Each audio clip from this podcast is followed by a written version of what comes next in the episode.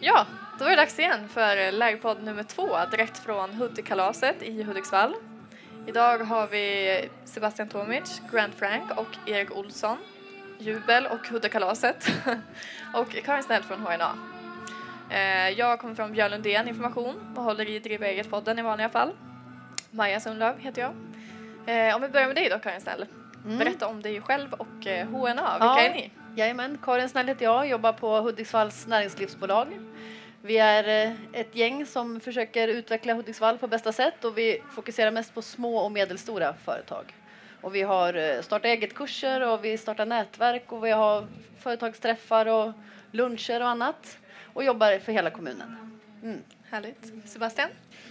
Eh, Sebastian heter jag. Eh, är- delägare i ett um, klädmärke som heter Grand Frank som startades 2014 och säljer kläder till, till hela världen online. Då. Erik? Eh, driver Hoodie-kalaset sedan 2010 och sedan 2016 eh, Jubel som är reklambyrå i musikbranschen.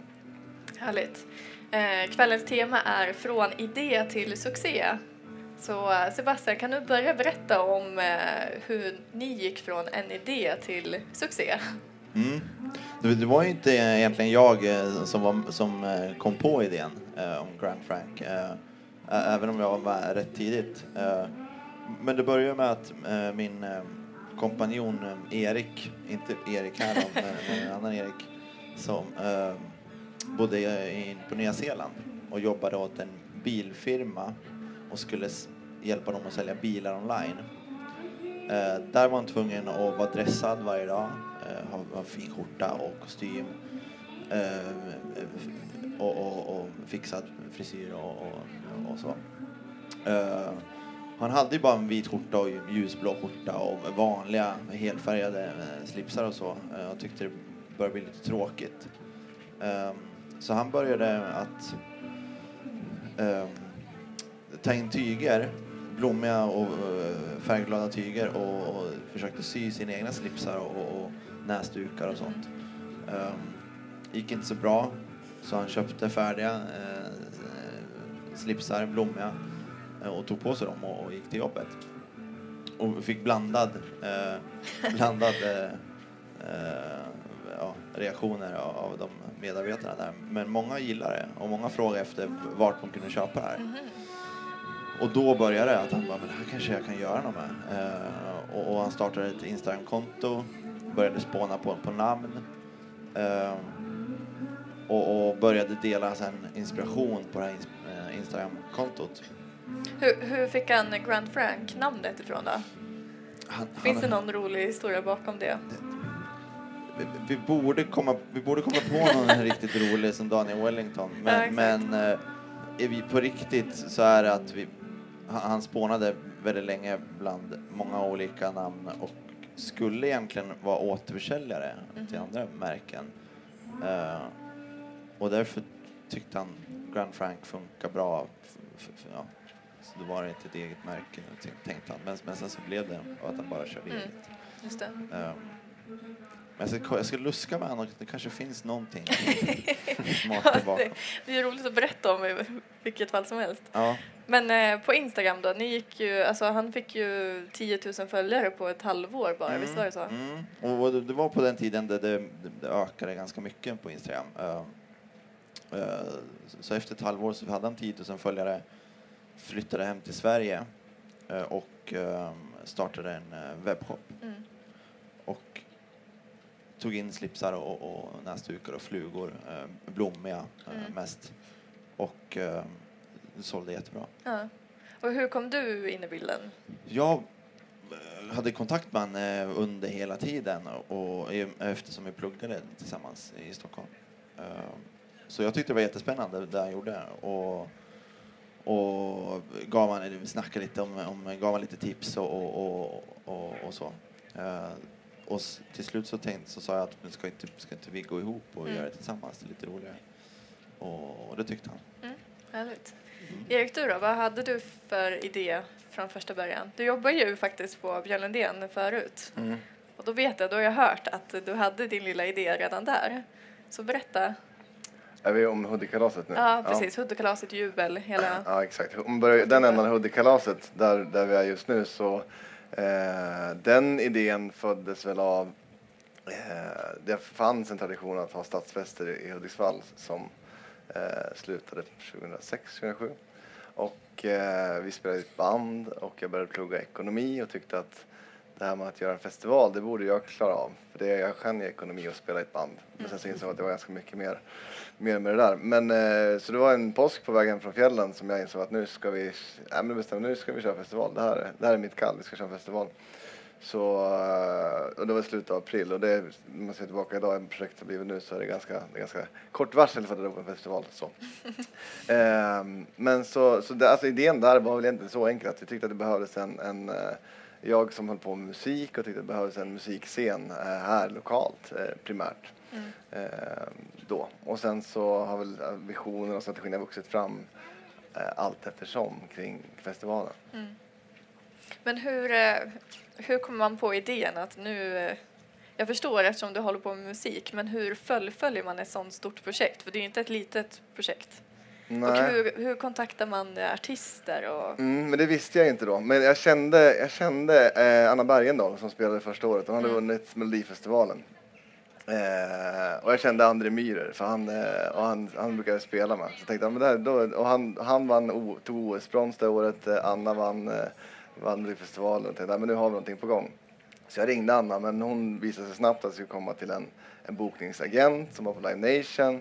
Ringde honom eh, och eh, sa att man ja, var från Hudiksvall och ska göra en ny festival. Eh, fick inga svar och var väldigt skeptisk till det hela. Eh, tyckte han var väldigt otrevlig den här personen. Vilket jag berättade för honom sen också, vi är goda vänner idag, att jag tycker att han är väldigt oskön approach. Men han var väldigt skeptisk till, till mig. Så, så. så att jag fick lära mig liksom, eh, hela, hela resan så allt eftersom. Efter att de bestämde sig.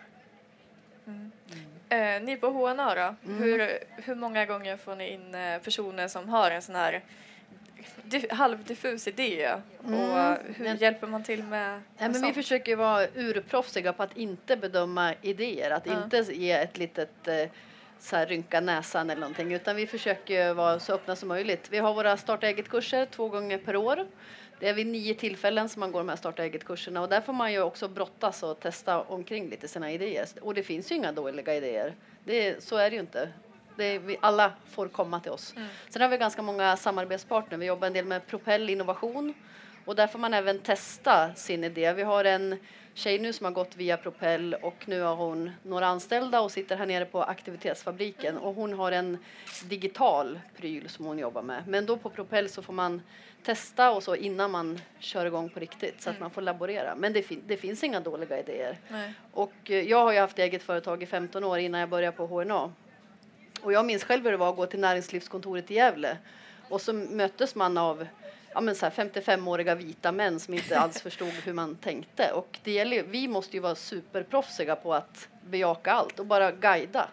Och eh, det finns gott om man kan få företagsstöd och det finns pengar och det finns nätverk och att bara liksom peppa och guida rätt är ju vårt uppdrag. Just det. Inte att dissa. Nej, precis. Nej.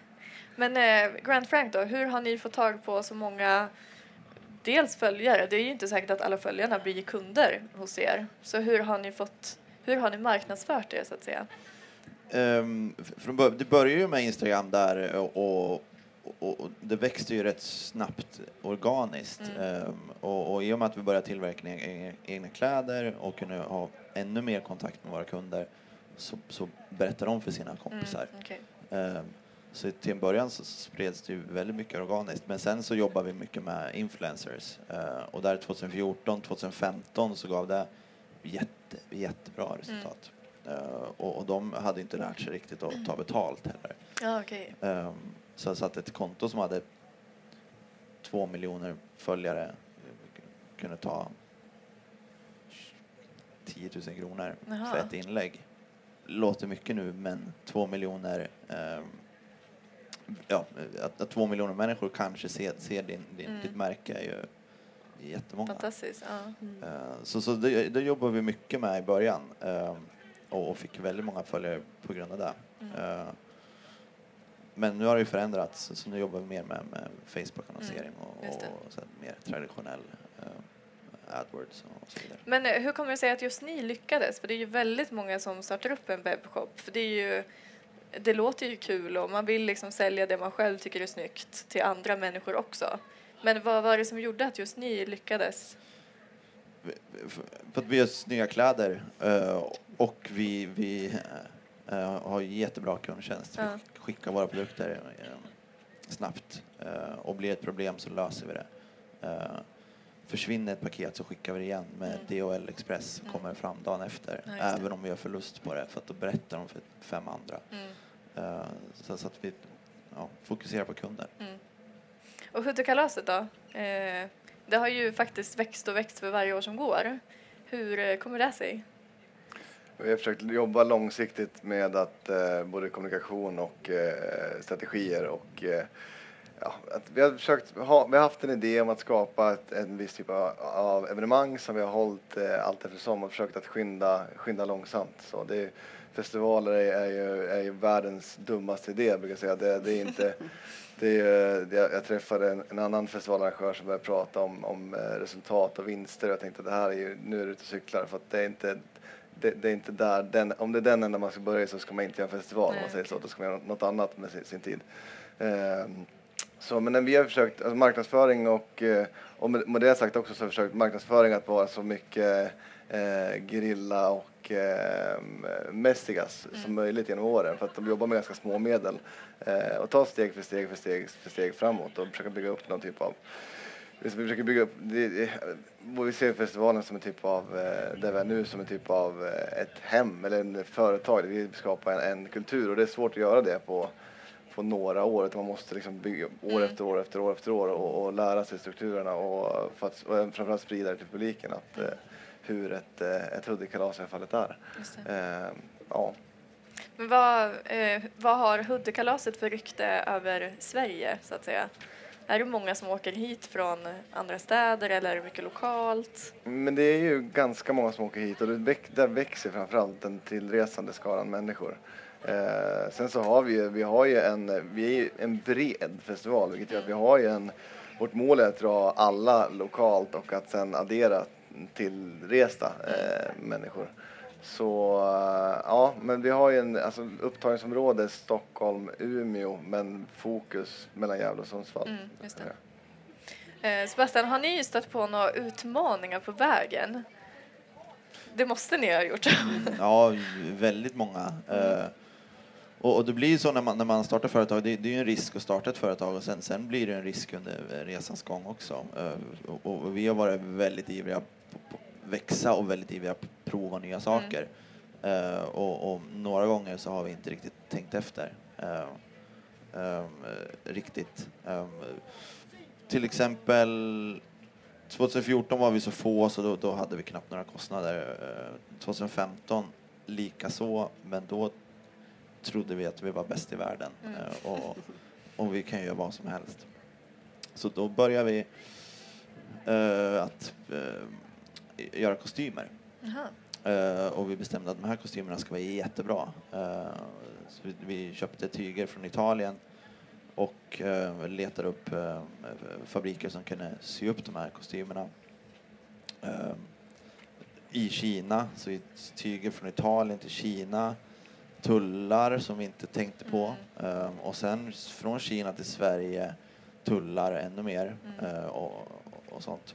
Eh, och sen frakt från Sverige, och då hade vi många kunder i USA, eh, till USA. Mm. Jätte, jättedyrt. Så, så vi, vi förlorar på nästan varenda kostym vi sålde. Ehm, men de var fina, jättefina kostymer och, och alla kunder blev jätte, jättenöjda med dem. Mm.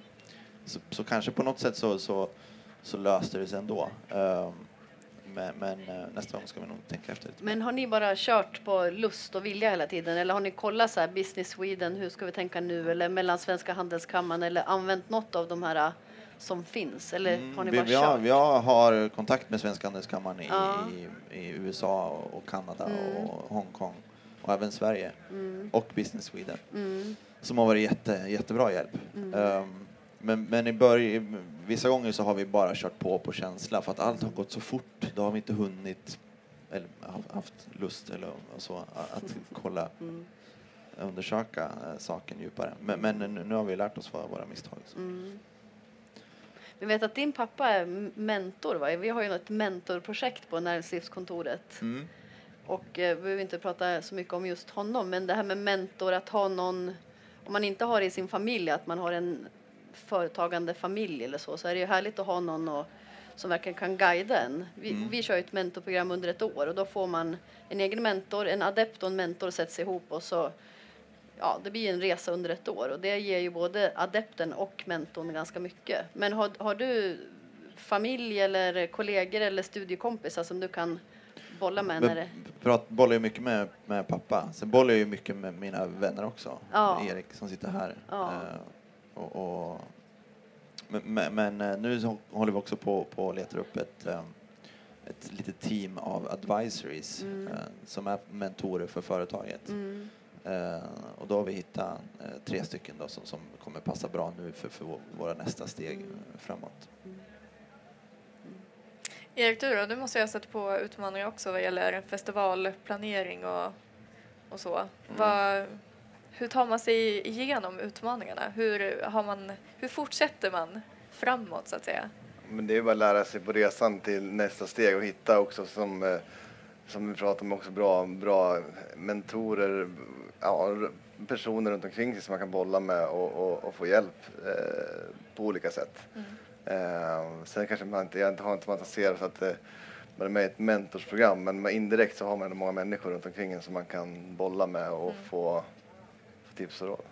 Men, men vissa gånger eh, blir det också att ehm, hade vi frågat om vi skulle börja sälja skjortor så hade många kanske sagt att nej, det, ni ska hålla er till era accessoarer.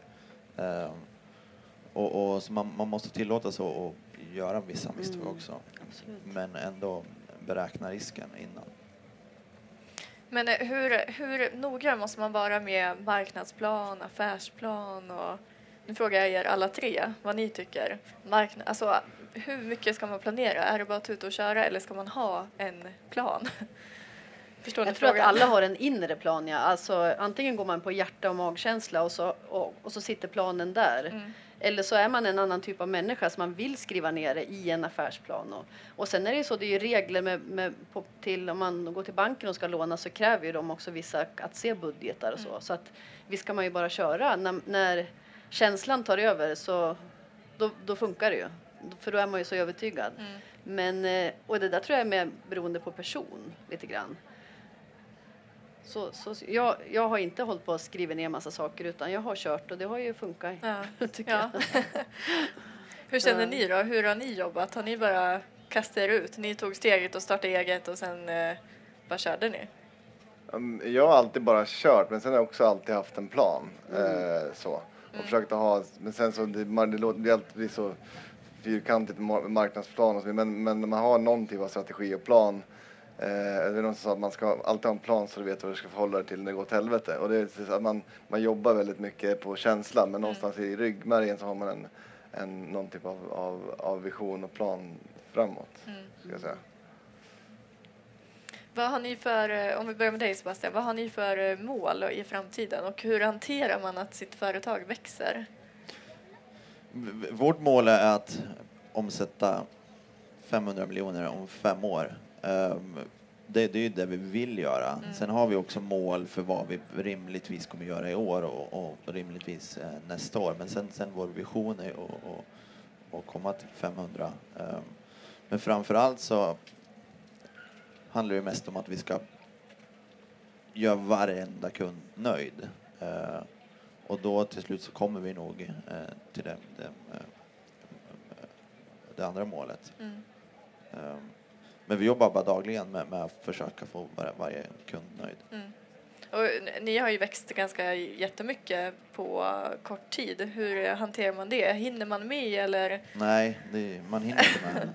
Ehm, nej, man gör inte det. Och så ska man försöka hitta på nya saker också hela tiden. Så, så det, det, det är rörigt. Ehm, det är svårt att, att växa fort. Man gör många, många dumma misstag.